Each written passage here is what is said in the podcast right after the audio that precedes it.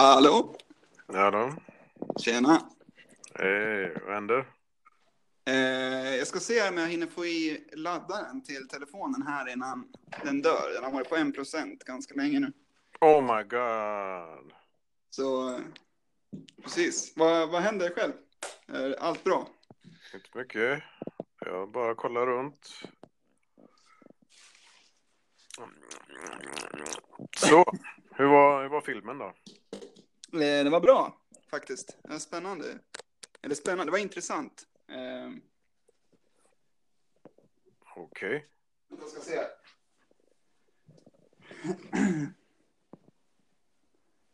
Sådär, nu är laddaren i. Eh, jo, jag var ju och såg en, eh, jag var på ett, eh, såhär, en filmvisning om en konstnär från eh, Ovanåker. Är det en ort du är bekant med? Ja, jag är där varannan vecka. eh, han, han hette Lim-Johan, den här konstnären som var, Vad heter han? Lin-Johan? ja precis. Eh, eller alltså smeknamn. Han var väl från en ort som heter Lima tror jag. I Ja, Ovanåker okej, eller liknande. li, li, inte lin. Nej, precis inte lin, utan det här var på 1800-talet typ. Och tidigt 1900-tal och sådär. Okej. Eh, och han var en sån här, han tillhörde, du vet den här skaran konstnärer som inte fick något erkännande riktigt när han var vid liv. Men eh, typ eh, nu alltså, så här, hittar man alltså, tavlor som man restaurerar som man har gjort som säljs för en halv miljon typ och sådär. Så. Mm, han är som eh, exakt alla konstnärer vi känner nu för tiden. Ja, det kanske är så. Det, det, det är tråkigt när det blir så, men det var intressant eh, levnadsöde och sådär. Kul eh, berättelse liksom. Så det Mm. var, ja det var nice faktiskt. Okej. Så eh, ja, ska vi hoppa in i, i veckans avsnitt? Ja, det har redan börjat. Bara jag ger dig chansen att eh, prata lite här. Det är Ja. sällan jag ger dig, ger dig luft. eh, har du läst några serier under veckan? Då? Ja, jag har läst lite. Det är, ehm, jag kollar ju upp den här, ehm, vad var det nu, ja, mitt favoritnummer av eh, Mega Marvel. Det är ju det numret där eh, Venom och Carnage möter varandra. Mm. Och jag var tvungen att kolla upp att alltså, det numret avslutas ju med en väldigt, väldigt eh, obehaglig serie som heter Mindbomb. Som då är eh, en... Eh, alltså det är ju en Solo Carnage-serie som är tecknad av en eh, tecknare som heter Kyle Hott. Och det var ju det är ju fortfarande något, något av det äckligaste jag har sett eh, Mm. i serieform. Alltså det ser ju exakt ut som, eh, eh, vad ska man säga, Necro-omslagen i stort sett. Ja, men verkligen. Så eh, jag var tvungen att kolla upp ifall han har gjort något mer i eller mer för Marvel eller ja, överhuvudtaget och då hittade jag såklart eh, en eh, till Carnage-serie. Alltså? Eh, ja, den var, den var minst lika äcklig. Den hette, vad hette den? What a wonderful world hette den. det Ja. jävla namnet alltså. Ehm, och det handlar ju då om, det är ju den här Dr. Kafka som då är ehm, det, alltså de har ju gjort det i stil med, alltså Ravencroft är ju Marvel-seriernas version av Arkham Asylum. Men eh, de eh, var lite duktiga med att slå fast att eh, de har fast personal där. Då är det ju Dr. Kafka som då alltid Ja, hon försöker ju rehabilitera Venom hela tiden och Carnage hatar henne. Mm. Och här är det ju då att hon tillsammans med en soldat ehm, som heter John, har jag för mig. De, de ska köra något test på honom, Cletus Cassidy, eller Carnage. Och på något jävla vänster så hamnar de två i hans uh, värld, eller något sånt där, hans sinne.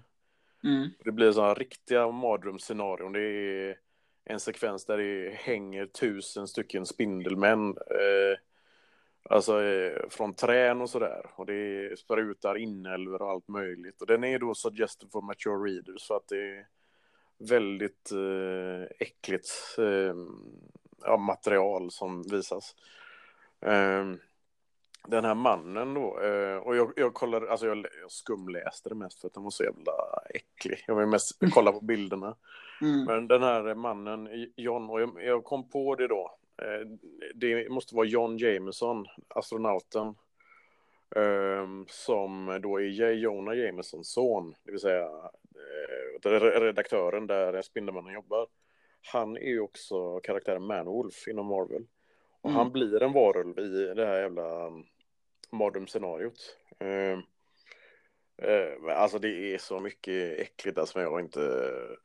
Ja, jag var inte riktigt på humör för att typ titta på såna, den typen av serier. Så, eh, det var ju långt ifrån det som jag hade förväntat mig av en Marvel-serie. Men man Mm. fattar ju att det, det lär ju ha blivit något typ av ramaskri när den släpptes. Men ganska, alltså det, ganska tyst ändå. Jag, det var ju första gången som jag ens hörde talas om den här serien. Så. Ja, jag tänkte det också för att den där eh, första Carnage-serien du pratade om där är ju liksom det är ju väldigt eh, brutala bilder liksom. Eh, jag tänker dels på, på Carnage barndom där, de här grejerna han utsätter för. Han sätter väl eld på någon skola eller en dagis av något slag. Ja, just det. Vad är det? Hans mormor eller, fa- eller men det är någon barnvakt eller någonting som han eh, som ramlar ner för, eller han putter ner den för en trappa. Ja, men precis. Och sen så är det nog, någonting med hur han sprider, det är någon slags visualisering av hur han sprider så här skräck i en stad och liksom folk, folk står med så här köttknivar och ser helt vidriga ut och sådär. Alltså det börjar det. med en vanlig bild. kul. Man, man ser ju före och efterbilden där så är det som att det är Ja. ganska visuellt att han drar sitt finger över eller sin klo över så bildas det ju då det här skräckscenariot. Någon, eh, någon eh, gammal tant som eh, står med sin hund och så dras det här strecket så har de sån här SNM-klädsel. och Ja, just det. Bara, det var ganska ofarligt ändå. Ja, exakt. Eh, Men ja, hennes hund den kissar, oj oj oj. Ja.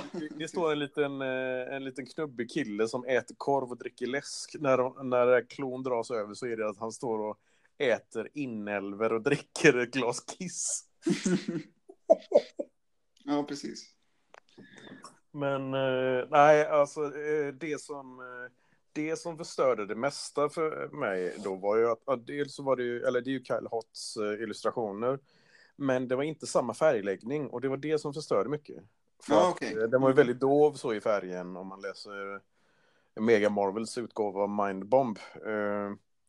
Det här var väldigt, eh, väldigt 90-tal serietidning om man säger så. Väldigt starka färger och det tyckte jag förstörde ganska mycket. Mm. Så eh, nej, det, den får en pass eh, från mitt håll. Eh, Va- Varför är det ofta så med, med amerikanska serier? Alltså de är ju väldigt förtjusta i att färglägga serier som eh, och även inom alternativserier så färglägger man ju ibland så serierna blir sämre. Jag tänker på till, till exempel Peter Baggs Hate-serier. Vart ju Mm. mindre snygga när de fick färg på sig. Eh, och eh, han började så här, tuscha dem på ett annat sätt. Att han tog väl in en annan tuschare då, har jag för mig. Och, och, liksom, Mm. och det var ju en sån här lyxig budgetgrej för dem. Som, liksom, jag kommer ihåg att eh, så här, Daniel Klaus och de pratade om att ah, men det är bara så här, Peter Bagg som, av oss som har råd att ha sin tidning i färg. Och man, var liksom lite avundsjuk på honom för det. Och så där. Eh, men sen som Ja. tur var så släppte han ju de här två, eh, Buddy Does Jersey och Buddy Does Seattle. Eh, som är svartvita. Och då kommer även tuschningen av den här nya killen som faktiskt är en ganska skicklig tuschare eh, fram på ett annat sätt. När man tvättar bort den här lite blaskiga eh, seriefärgläggningen. Liksom. Men det, det är ju just det att eh, färg kostar och eh, om man har råd så passar man på. Och 90-talet var ju också det att folk började använda datorer också för Ja, just det. Man, färgläggning. man, Och det kan jag mycket väl, alltså det, det kan jag faktiskt tänka mig i och med det här numret som jag läste, eller den här miniserien. Det känns som att det är någon sån där, eh, jag inte- jag ju inte världens, eh, jag har ju inte världens koll på de här människorna som eh, sysslar med färgläggning av serier så, men det kändes som att eh, men det är någon ung tupp där som får chansen och kanske inte läst eh, de tidigare eh, grejerna så att han bara tänker, ja men det, det ska se ut som av vilken jävla Stålmannen-tidning som helst, eller ja, sånt som man är van Mm. vid att läsa. ja, Och det, det höll sig väldigt dåligt då med, alltså de här Kyle Hotz-illustrationerna är ju så jävla köttiga så, det är ju han är ju väldigt, väldigt duktig på djup och eh, skuggläggning, vilket gör att de ser, eh, de ser, de ser ju väldigt, väldigt eh, muskulösa ut på ett annat sätt än, ja, de här platta serietidningarna, eller serieillustratörerna. Ja, precis. Ja, lite synd också, för det känns som att då har man ju lite underskattat färgläggning också. Alltså dels vilken talang det är hos någon som kan det bra. Och dels på vilken, vilken påverkan det har ändå. Eller inverkan, alltså hur det påverkar serien. Liksom, hur man upplever serien. Ja. Nej men absolut, jag menar det, är, det man ska inte underskatta, alltså eh, där när jag lä, eh, läste äh, Scott Snyder och Greg Capullos äh, Batman-nummer. De körde ju 50 nummer där.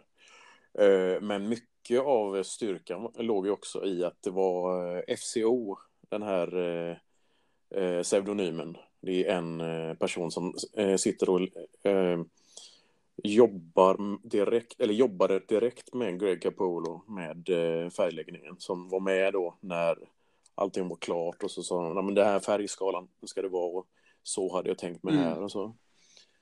Det är ju, dels så blir det ju ganska ball så när de trycker sådana affischer på ja, flera av de här omslagen då. Så, ja, men det här är FCO Exclusive bara för den här speciella seriemässan. Så istället för att det är blå ton så är det röd ton. Och så ser man, ja det blir en annan, eh, det blir en annan känsla mm. på allt. Jag menar det är ju så, all, färg är ju så, det är kopplat till känslor på ett sätt. Så jag menar, en röd himmel kanske eh, ger ett helt annat intryck än en eh, mörkblå mm. himmel och så. Speciellt om det blixtar och mm. grejer och så. Ja, precis. Eh, och du som tecknar serier själv och sådär också. Hur är din relation till, till färg? Har du använt dig av färg eller vad har du för känsla inför att använda färg i dina egna verk och sådär? Nej, jag har ju inte använt färg i, i serier sen sen jag var sådär 6-7 år. Jag har ju aldrig varit intresserad av att färglägga på det sättet. Inte sen jag fick reda på, alltså nu läste jag ju jag menar sådär Bamse, Kalanka och allt det där. Nu, nu, nu kör jag de här vanliga jävla namnen. 91 Fantomen. Uh, Lille Fridolf växte upp och åt kaffebröd och drack, uh, vad fan heter det nu, Explorer till. Jag menar, Precis.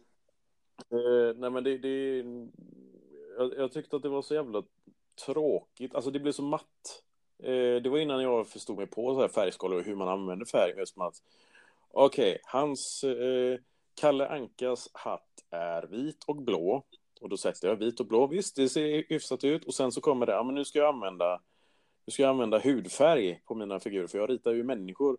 Och så har jag ingen hudfärgad penna, så det blir orange. Och så orkar jag inte ens fylla i eh, fälten riktigt. Så det, det, ser ju bara ut som att det är, det är nedkladdade ansikten, eller vita ansikten nedkladdade med ja, orange mm. färg. Ja, det är intressant det där också med begreppet Och... hudfärgad penna, eller mm. men, eh... Ja, men exakt. Alltså det, det är ju, då, normen är ju att det ska vara eh, sådär ljusskärt i stort sett. För att eh, det utgår ju från att alla alla ansikten man eh, då ska färglägga ska vara sådana här eh, kaukasiska, blå, ögda, ja, blonda. Det var väl något plåsterföretag som fick dra in sina plåster för att de kallade det för hudfärgade plåster. Och att det då var samma ton liksom. Eh, ja, och, men, men du har ju kört lite sådär, jag kan tänka mig att du har inspirerats lite av nordamerikanska tecknare och sådär med att du kör kanske en lila färg och sådär i någon serie och så. Ja, just det. Jag gjorde det i ja. Hjälp. Eh, mm. Det var väl mest för att eh, jag fick eh, förfrågan då i och med att det var de skulle trycka i färg. Och då blev det mer som att ja, men jag, jag testar det här. Mm. Eh, och resultatet blev väl, det var väl helt okej, men det är enda, eh, enda gången som jag gjort det i de två mm. hjälppublikationerna och det, det är ju fan tio år sedan. Jag har inte använt färg sedan dess, men jag har snackat lite med, nu angående albumet, hur det nu mm. blir. Att eh, vi kanske ska eh, köra någon, eh, någon liknande grej. Så eh, vi får se. Är, jag är inte riktigt, jag är inte riktigt redo för hur jag ska använda. Alltså jag gillar ju det så som när, när Kartago gav ut ja, men, damer och trashed, eller sopigt mm. på den delen. När man faktiskt har den här mörk eller ljusblåa mm. tonen i allt. Precis. Det, det, det kruxiga är väl också det att man ofta måste teckna med det i, i i, bakhuvudet. Alltså så man, man måste nästan ha färgtänket med sig när man tecknar ner det från första början. Det är ganska svårt att... Jag tänker till exempel på Rocky-serien, känns det som att den är ju tecknad för att vara i svartvitt. Och sen har de ändå envisats med att färglägga den i många sådana samlingsutgåvor och sådär. Och det känns som att det blir, mm. att han skrafferar så mycket, så har man först liksom en, grå, en gråskala och sådär som gör att den funkar i, i svartvitt skitbra. Sen blir färgen som en, liksom en, en, alltså ett extra lager som gör att det nästan blir lite kladdigt ibland. Eh. Ja, alltså det, jag har så jävla svårt för det, för jag, jag skrafferar ju och sen så eh, sen slår det mig bara, jävlar, jag ska ju ha den här jävla skalan mm. också. Eller ja, eh, så det kommer väl eh, krocka där lite, men jag, jag, jag ser det mer som att ändå sådär, jag menar, visst det kommer bli en del sådana bildspråkskrockar när jag väl släpper det för att jag, ja då är det ju att eh, det har blivit eh, en miss helt enkelt, men samtidigt så känns det ju väldigt, eh, det känns väldigt akustiskt om man mm. säger så. så vi, får se hur, hur det mottas och när det väl kommer ut, det kommer väl ta ett tag nu, vi får se. Mm. Jag har ehm, jag, jag tuggade på som fan nu i veckan och sen så eh, sa det stopp. Och nu får vi se om jag gaskar upp. Men jag tror att det är vädret och skit också. Så min tio sidor på, tio, eh, på en vecka-plan, det, det gick sådär. Ja, men samtidigt har du väl tecknat som fan. Alltså om man har följt dig på sociala medier och sådär. Det känns som att du har lagt upp liksom progress hela tiden. I princip. Så du har väl ändå fått en del gjort liksom. Ja, vad, vad snäll du är som försöker hindra mig från att uh, gå ner i fördärvet. ja. Nej, visst stämmer det till viss del, men det, ja, det har ju kommit en bit på vägen i alla fall. Det är lite så. Mm. Uh, jag jobbar ju också utanför manuset för att det är sådana tilläggssidor som jag håller på med. Mm. För att uh, när jag var på serie, eller när jag var på ja, mötet då i augusti och vi gick igenom manuset, då var det sådär, mm, ja men jag fick lite sådana här, eh, ja men de hade lite anmärkningar och lite så, kan man flytta det här till tidigare och så. Och sen så, nu när jag börjat kolla igenom manuset, så ser jag, men här står ju deras, eh, här står ju det, ja, de grejerna som jag skulle flytta och så kom jag på, ja men jag gör en ny sida mm. istället. Mm. Det är extra mycket, nu står det, nu står det stilla lite men vi får se. Mm. Nu ska vi se. Eh, hur är det själv då? Du har, ju, du har ju tecknat också. Det rör ju sig. Ja, precis. Jag, sedan förra veckan så har jag fått en hel del tecknat ändå faktiskt. Och satt hela dagen igår och tecknade upp en ny sida. Eh, vi håller på med en, en serie som jag håller på med ganska länge, som jag egentligen gjorde till en svensk, eh, som skulle vara med i en svensk serieantologi som släpptes nyligen. Men Sen var det lite så här äh, ont om tid känns det som och jag fick inte riktigt ihop. Jag tyckte inte riktigt att materialet höll. Och så där. Men sen har, har jag liksom nu gjort det här lite tråkiga, jobbiga i processen. Att skriva om en massa och har väl någonstans återbesökt de sidor jag har gjort och insett att ja, men det här skulle nog kunna bli någonting om jag liksom gör om lite. Det var som att jag ville komma lite billigt undan sist och skrev ett manus på bara sex sidor och då känns det som att äh, men den här serien behöver nog vara längre för att få till den känslan som jag har tänkt att den ska ha. Liksom. Så att eh, det, det, blir nog en tio-sidare i alla fall, eller något sånt där. Och, så, mm. och bara, får jag bara ner den och, och liksom, det kommer ta ett tag att teckna ner det och, och, få till det här slutet.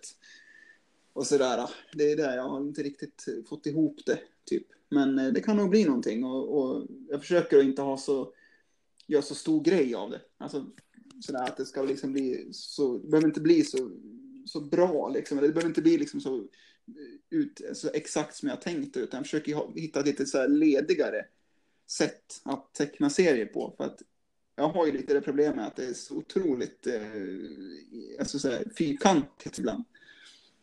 Eller vad man ska säga. Och det tar väldigt lång tid och liksom ett jävla plitande sådär. Försöka ha någon lite lösare approach till det.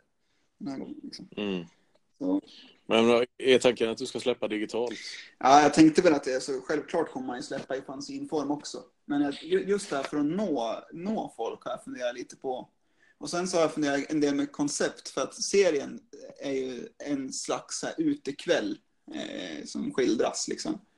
Och så. Mm. Jag funderar på om man skulle kunna alltså, konceptuellt släppa det i, i samband med kanske någon Alltså typ löningshelg och att man kanske har någon, någon grej, jag vet inte, alltså kanske inte en releasefest för en, för en, en serie bara så, men att man kanske har någon, någon slags ja, men upptakt inför att den ska släppas och sådär, att man teasar ganska mycket via, via typ Instagram och sådär. Jag vet inte, jag har lite sådana idéer som jag funderar på just för att nå ut lite extra mycket till, mm. till folk liksom och att de ska kunna läsa den. Och, och hur man, om man ska publicera den via sociala medier, på, hur gör man det på ett snyggt sätt? För det är inte alltid självklart. Liksom, så här. Det är ju ganska många av dem vi känner som håller på som publicerar en del åtminstone av sina verk via typ Instagram och Facebook och så. Men det, det är med varierat resultat skulle jag säga. Eh, det är inte alltid jättebekvämt att läsa serier på Instagram till exempel. Eh, mm. och så. Så hur, hur kan man jobba med det för att få det bättre? Det, det är också det där med, lika med att folk läser digitalt och så. Ju, det krävs ju ofta en, en iPad eller någonting. Och det har gjorts försök med sådana här, vad heter det, seriecentralen, eller vad heter det, som Egmont gjorde med att släppa alla sina böcker och tidningar i digital form också. Jag mm. vet inte riktigt hur mycket, och samtidigt så är man ju lite som vi var inne på förr också, att man, man är, man är liksom lite bakåtsträvare i det att man vill att serietidningen ska finnas kvar och det tryckta formatet ska finnas kvar också. Så man, och det tror jag ganska många delar, att det sitter i det här att man en, en serietidning tar man del av på papper helst. Liksom.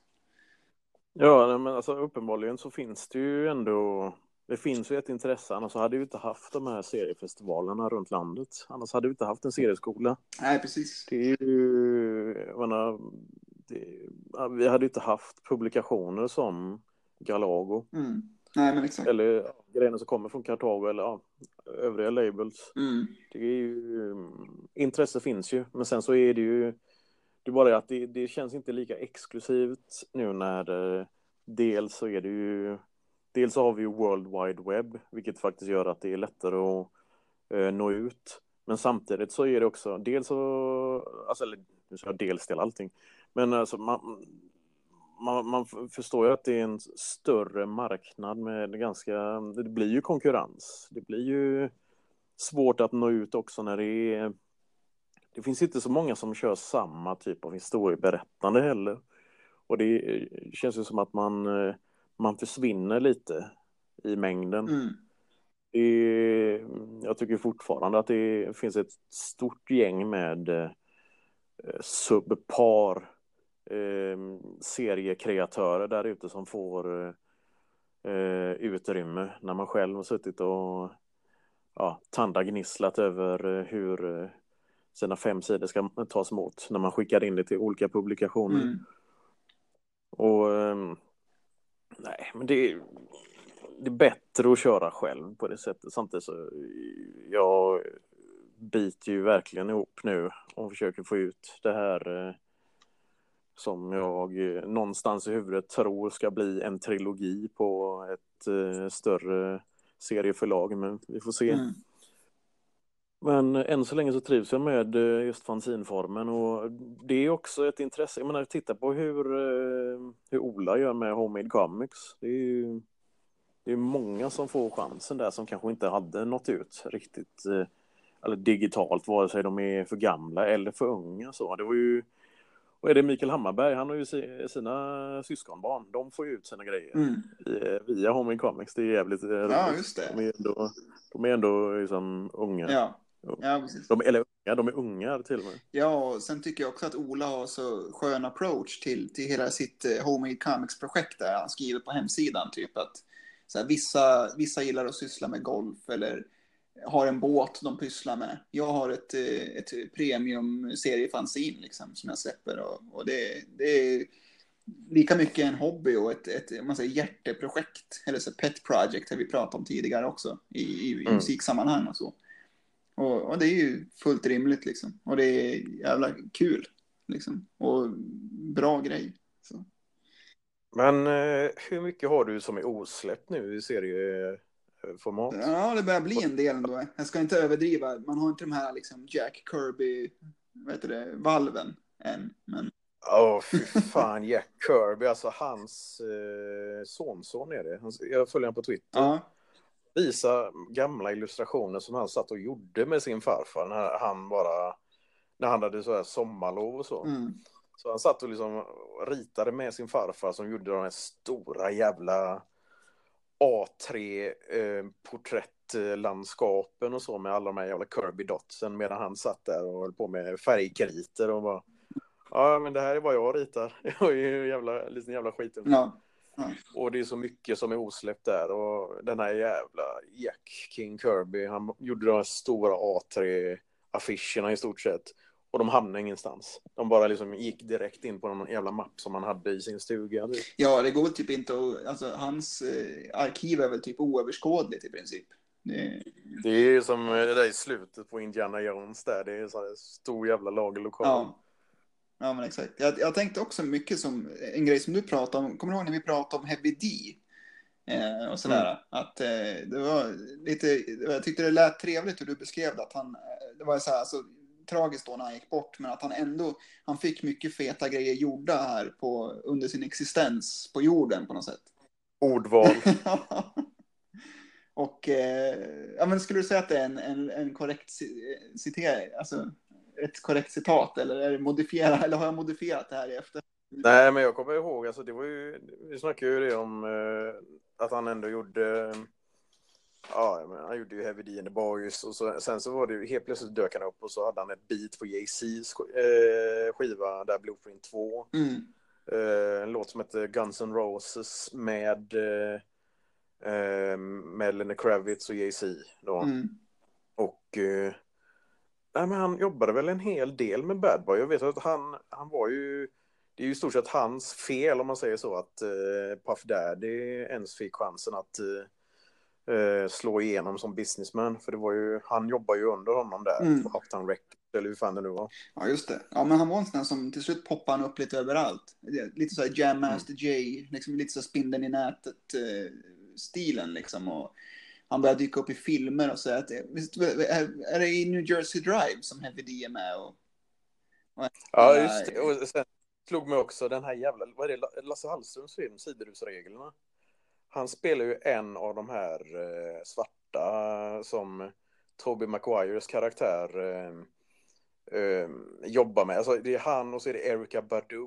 De jobbar ju tillsammans där. Det är ju två av de här svarta. De är inte slavar, men de är ändå, eller är de slavar? Det är frågan. Mm. Men de, alltså de är inte livegna, men de jobbar på någon jävla plantage eller någon...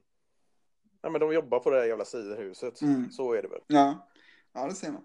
Ja, men för, för det är också lite så, det är, väl- det är väl typ det man kan göra så att säga. Eh, alltså så här, i och med att allt är förgängligt och att eh, man har en begränsad tid ändå så får man försöka ja, alltså, tuffa på som Heavy D gjorde ändå. Och att eh, liksom, man får ändå en hel del utfört som både, både samtiden och eftervärlden kan ta del av och sådär. På något sätt. Ja, visst. Mm. Eh, det är ju samma med eh, Bobito Garcia har jag alltid gillat Mm. för att han haft ett finger med i så mycket. Dels det här med studentradiogrejerna och så hans eh, han hade ju någon klubb och sen så började han DJa under namnet eller ja, det var ju i med DJandet på radio där eh, på, på WKCR. Han blev ju DJ Cucumber Slice så han började släppa mixtapes under det namnet. Han gjorde lite rap. Han eh, körde ju på någon jävla High and Mighty 12 va? Mm. Eh, och så pushade han fram, alltså Fondlem Records är ju hans.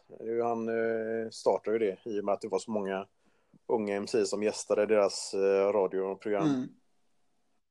Och eh, så skrev han den här boken, Where did you get those from? Eller vad den nu heter, den som bara handlar om sneakers. Mm. Och uh, någon jävla, ha- han, han körde halftime-underhållningen med, eh, alltså under New York Knicks-matcherna. ja, fan, till slut får man så här 30 olika jobb känns det som. En sån kille Ja, liksom. nej, men är- Jag kommer ihåg den här jävla eh, Spike Lee-filmen Summer of Sam, eller vad heter den? Ja, det. Är ju den som handlar om, Son of, eller den sommaren då när Son of Sam slog till. Ja, just Och det. då är det ju någon scen där eh, John Leguizamo och hans tjej, de går på diskotek. Och DJn där är ju då eh, Bobito Garcia, eller Bobito. Mm. Så jag menar, fan vad de här jävlarna, eller vad den här jäveln dyker upp överallt. Så jag tycker att han är, det är lite så här Lasse Åberg, Kevin Smith-kör. Ja, men precis. Väl... eh, och vad heter han? Stretch, hans kollega var väl också lite så att han hade lite olika... Han dök ju upp i GTA 3 till exempel och var eh, radiohosten för hiphop-kanalen där. Och så. Ja, nej men det är, ju, det är ju det som är, det var ju det som blev den jävla sprickan mellan de två eftersom Bobito ville satsa på de här unga, väldigt eh, eh, vad ska man säga, de som hade komplicerade rimscheman, som Mr Complex och alla de här och Non-Fiction Cage och Stretch Armstrong, han drog sig mer åt thug-hållet, som alla de här som Alchemist producerar. Så Mm. De splittar ju till slut och eh, Stretch Armstrong fick ju sin, eh, han fick ju eh, sitt uppsving där när han var på Hot 97 eller vad fan det var. Mm. Och eh, ja, det är ju därför eh, man fick höra den här dissen från eh, ja, just Cage då med att han sa att eh, det var väl i Bitch Lady versen där han säger att eh, han splittar som eh, ja, jag får ditt ansikte att splitta som Bobito Stretch Armstrong eller något sånt där. Eh, och nej, men det, det, är så, det är så jävla roligt för att de två symboliserar ändå den typen av smak som jag alltid haft för eh, eh, rapmusik. Just att det är dels de här jättehårda gangstrarna från eh, slummen och så eh, sen också de här eh, överdrivet eh, komplicerade textförfattarna med ryggsäckar och sprayburk i Mm. ryggsäcken. Och Ja, men precis. Och den där typen av radiopersonligheter har vi ju inte riktigt idag. Det kan ju ibland se lite mörkt ut på den fronten med de här som liksom på något vis är länken mellan artist och lyssnare. Eh, om man säger. Om man, jag vet inte, jag kan ju uppskatta break, Breakfast Club ibland och sådär. Men eh, Mm. det är liksom lite för glättigt ibland kan jag tycka och så. Det är liksom inte lika, det är något som saknas där. Och lika med, med ja, vad, vad, har vi fler för No Jumper och sådana också? Det, det saknas ju en värme som fanns i, i Stretcher Bobito till exempel. Tycker du att det är värme i No Jump? Nej, det är ju nästan ingen alls. Det är ju, det är nästan, jag vet inte, vissa tycker att han är en culture vulture, jag vet inte. Jag skulle precis säga det, han är en jävla kulturgam, Adam. Ja, Adam. är jag Adam med Adam 22 i frågan? Eh, men eh, nej, nej men det, jag, jag tror fan på det där som, uh, jag menar, eh, om man ska ta sådana mångsysslare, eh, till exempel då eh, Kevin Smith som både influerat mig och eh, Simons eh, sätt att eh, hålla sig relevant inom olika medier. mm. Kevin Smith som sagt filmregissör, han börjar skriva lite seriemanus och så kommer de ut på Oni Press som är, de är väl strax, om man tittar på alla de här förlagen, Oni Press är väl precis under Image Comics och Dark Horse och IDW, men de är fortfarande ovanför Fantagraphics och eh, Top Shelf. Mm. Eh, och efter att den släpps så kommer ju Jerusalem Bob, eh, alltså deras karaktärer då från filmerna, eh, de får actionfigurer.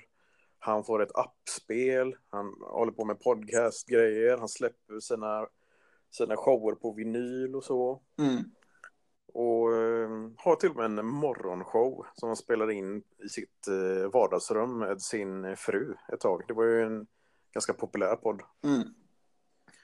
Så jag menar, det är, alltså dels så kan jag känna det att, oh, fan, har man inga bra historier att berätta så vad fan, man kan väl försöka kondensera skiten till eh, som ett, ett bra filmklipp. Men å andra sidan, eller ett, en filmhistoria eller vad fan som helst. Men ibland så krävs det lite mer med att man har sin vardag.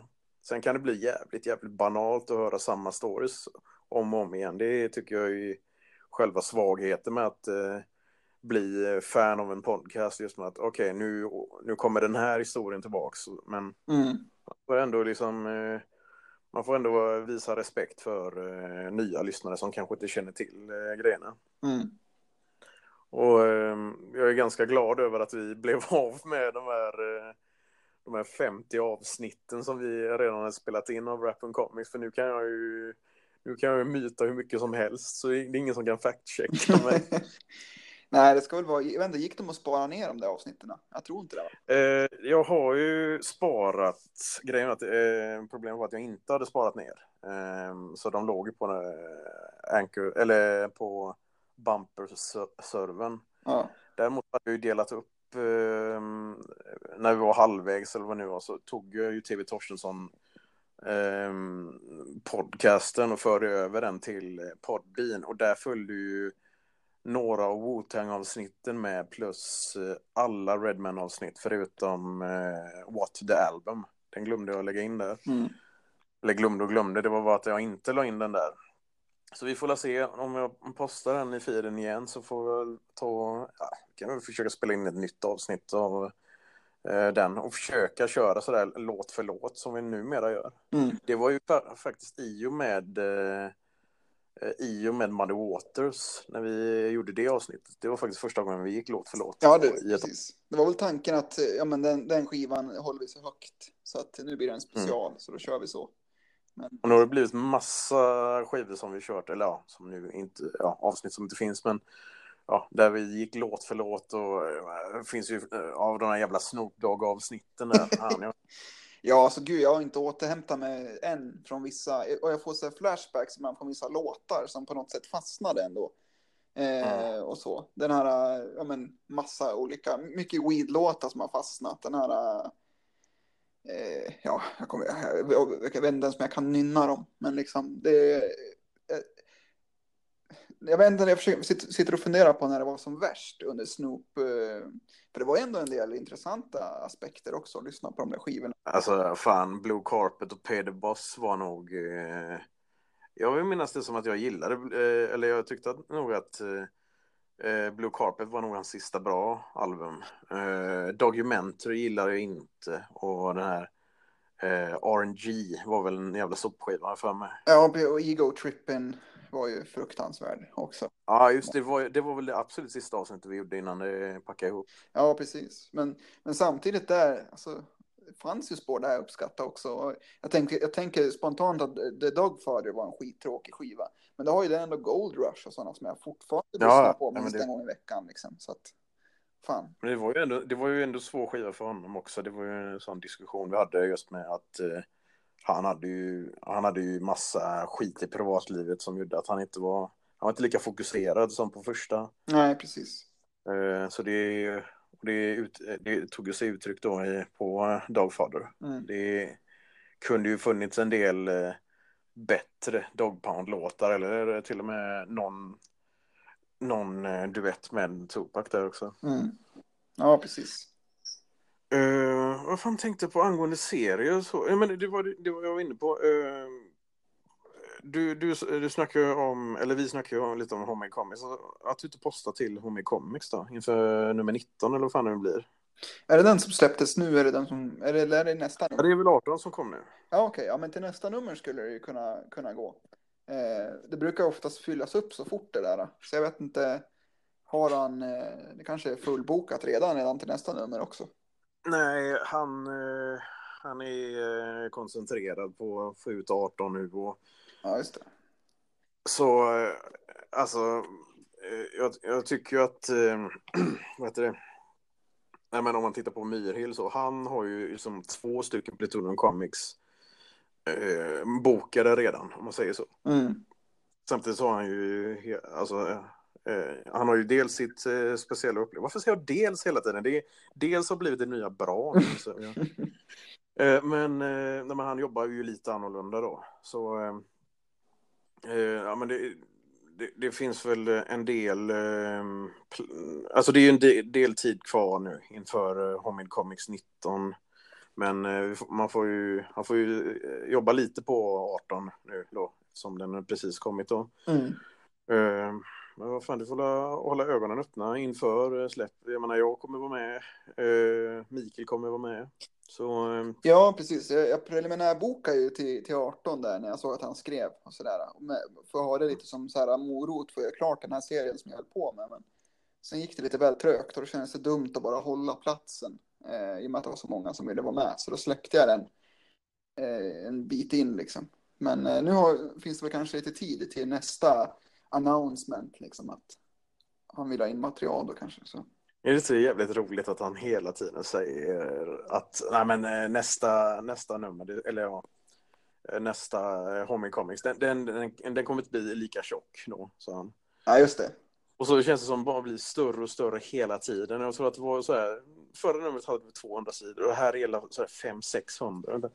Ja, precis. För han har väl någon tanke med att det ska gå att skicka som vanlig post utan att det ska bli för krångligt och sådär. Med, och för dyr frakt, för alla, alla får ju sådana här äh, gratis ex, de som medverkar och sådär.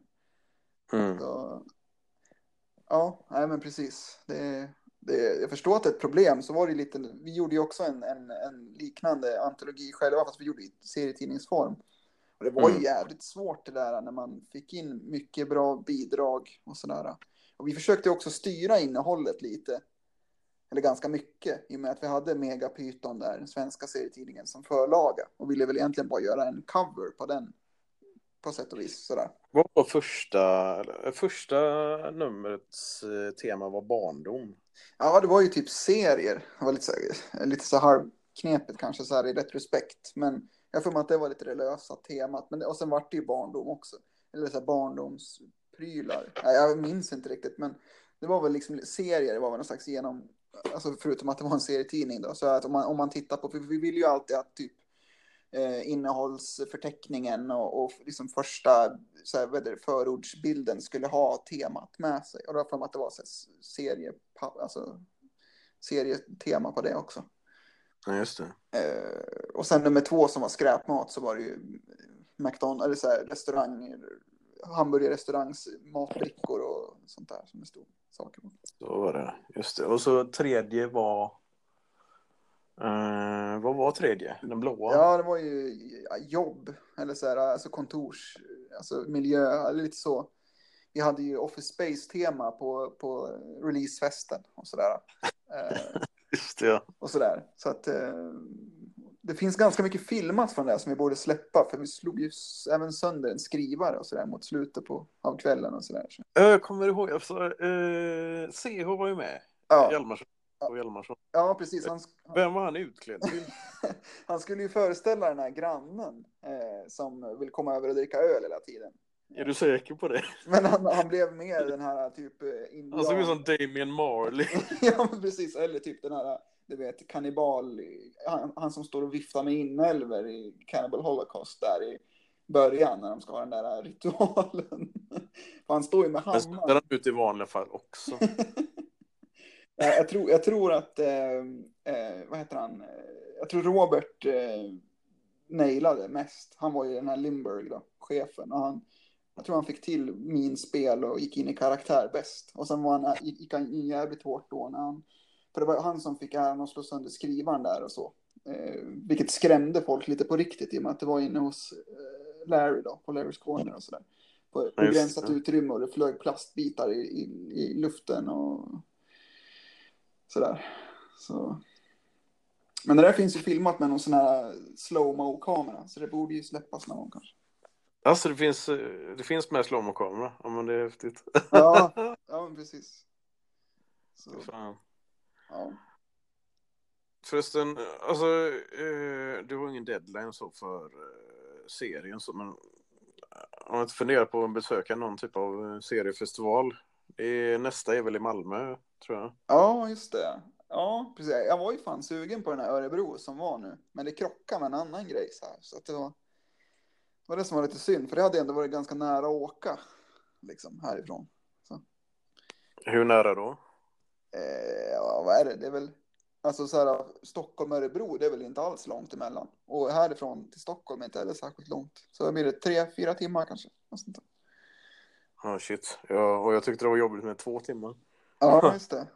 Ja, för hur är det? Örebro ligger, ligger det, det ligger inte på någon kust, va? Den ligger liksom mitt i landet. Ja det är ju halvvägs eh, för våran del. Ja, precis. Ja, det, det finns mycket bra i Örebro. De har ju också Plopsy och serie, eller vad säger jag, tv-spels eh, loppisar och butik, den typen av grejer också. Du har väl varit på någon sån där, va? Eller hur var det? Ja, jag var på eh, Retrospelsmässans grej. Och vad fan det nu var. Ja, just det. Men det var inte i Örebro, eller var det det?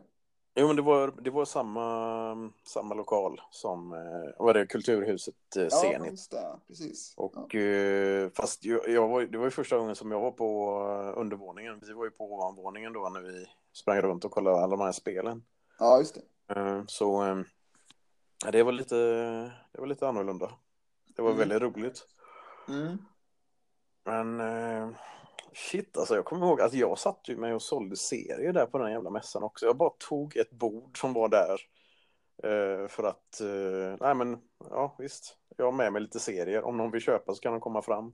Så Mm. jag langade upp det men jag satt där och fikade med mig själv och alla mina kompisar sprang runt och, och var Grim Nyberg var ju där. Han hängde med pappas pärlor och stod i hans monter. Hjälte var ju där och krängde lite. Ja, just det. Så ja, ja men det var, det var skoj. Ja, precis. Ja, för det var väl liksom en blandning av leksaker och tv-spel typ. Alltså, det, Ja. alltså retro-prylar liksom. Och så kom jag in och bara nej, nu ska det fan vara comics här också. Det ska vara tecknade serier. Ja, men det känns ju som att det går ju, alltså det känns som, som en naturligt brobygge där som inte riktigt har genomförts än. Alltså de två grupperna. Det finns liksom, alltså folket i båda grupperna känner varandra känns det som. Men man har inte Mm. någon riktigt gemensam festival än. Men det skulle definitivt kunna bli. Ja, alltså det var ju, det var ju ganska kul så.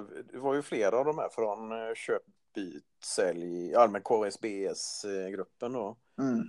Eh, och eh, så eh, sen sedan på kvällen så skulle alla liksom, ja, men, ut och käka och ta en eh, öl eller sådär. Mm. Och då frågade de ju de andra, men ska ni med ut eller? Och då var det så, nej, vi, vi hänger inte med dem. Och så hör, lyssnar man, eh, jag på de andra då.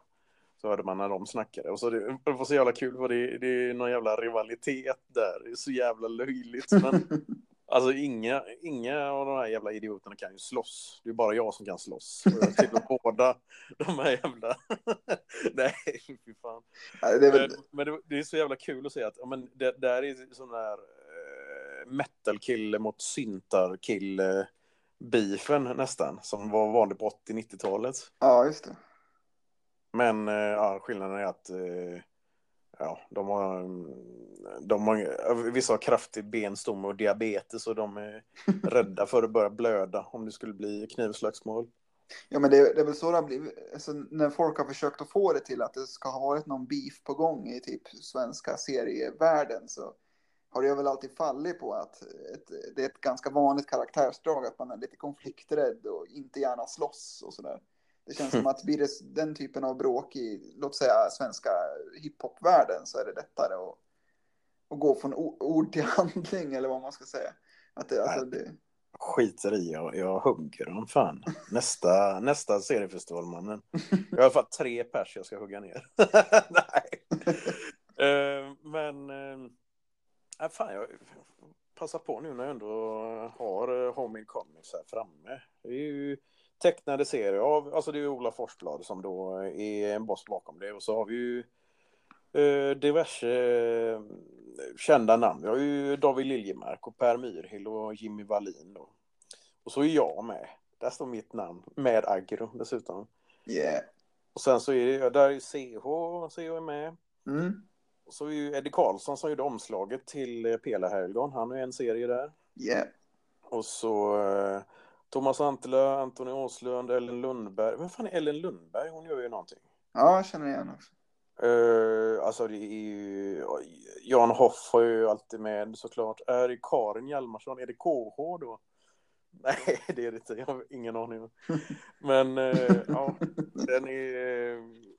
Fan, det, den här är väl lite 500, för förra var 500. Nej, den är slimmad, den här versionen. Mm.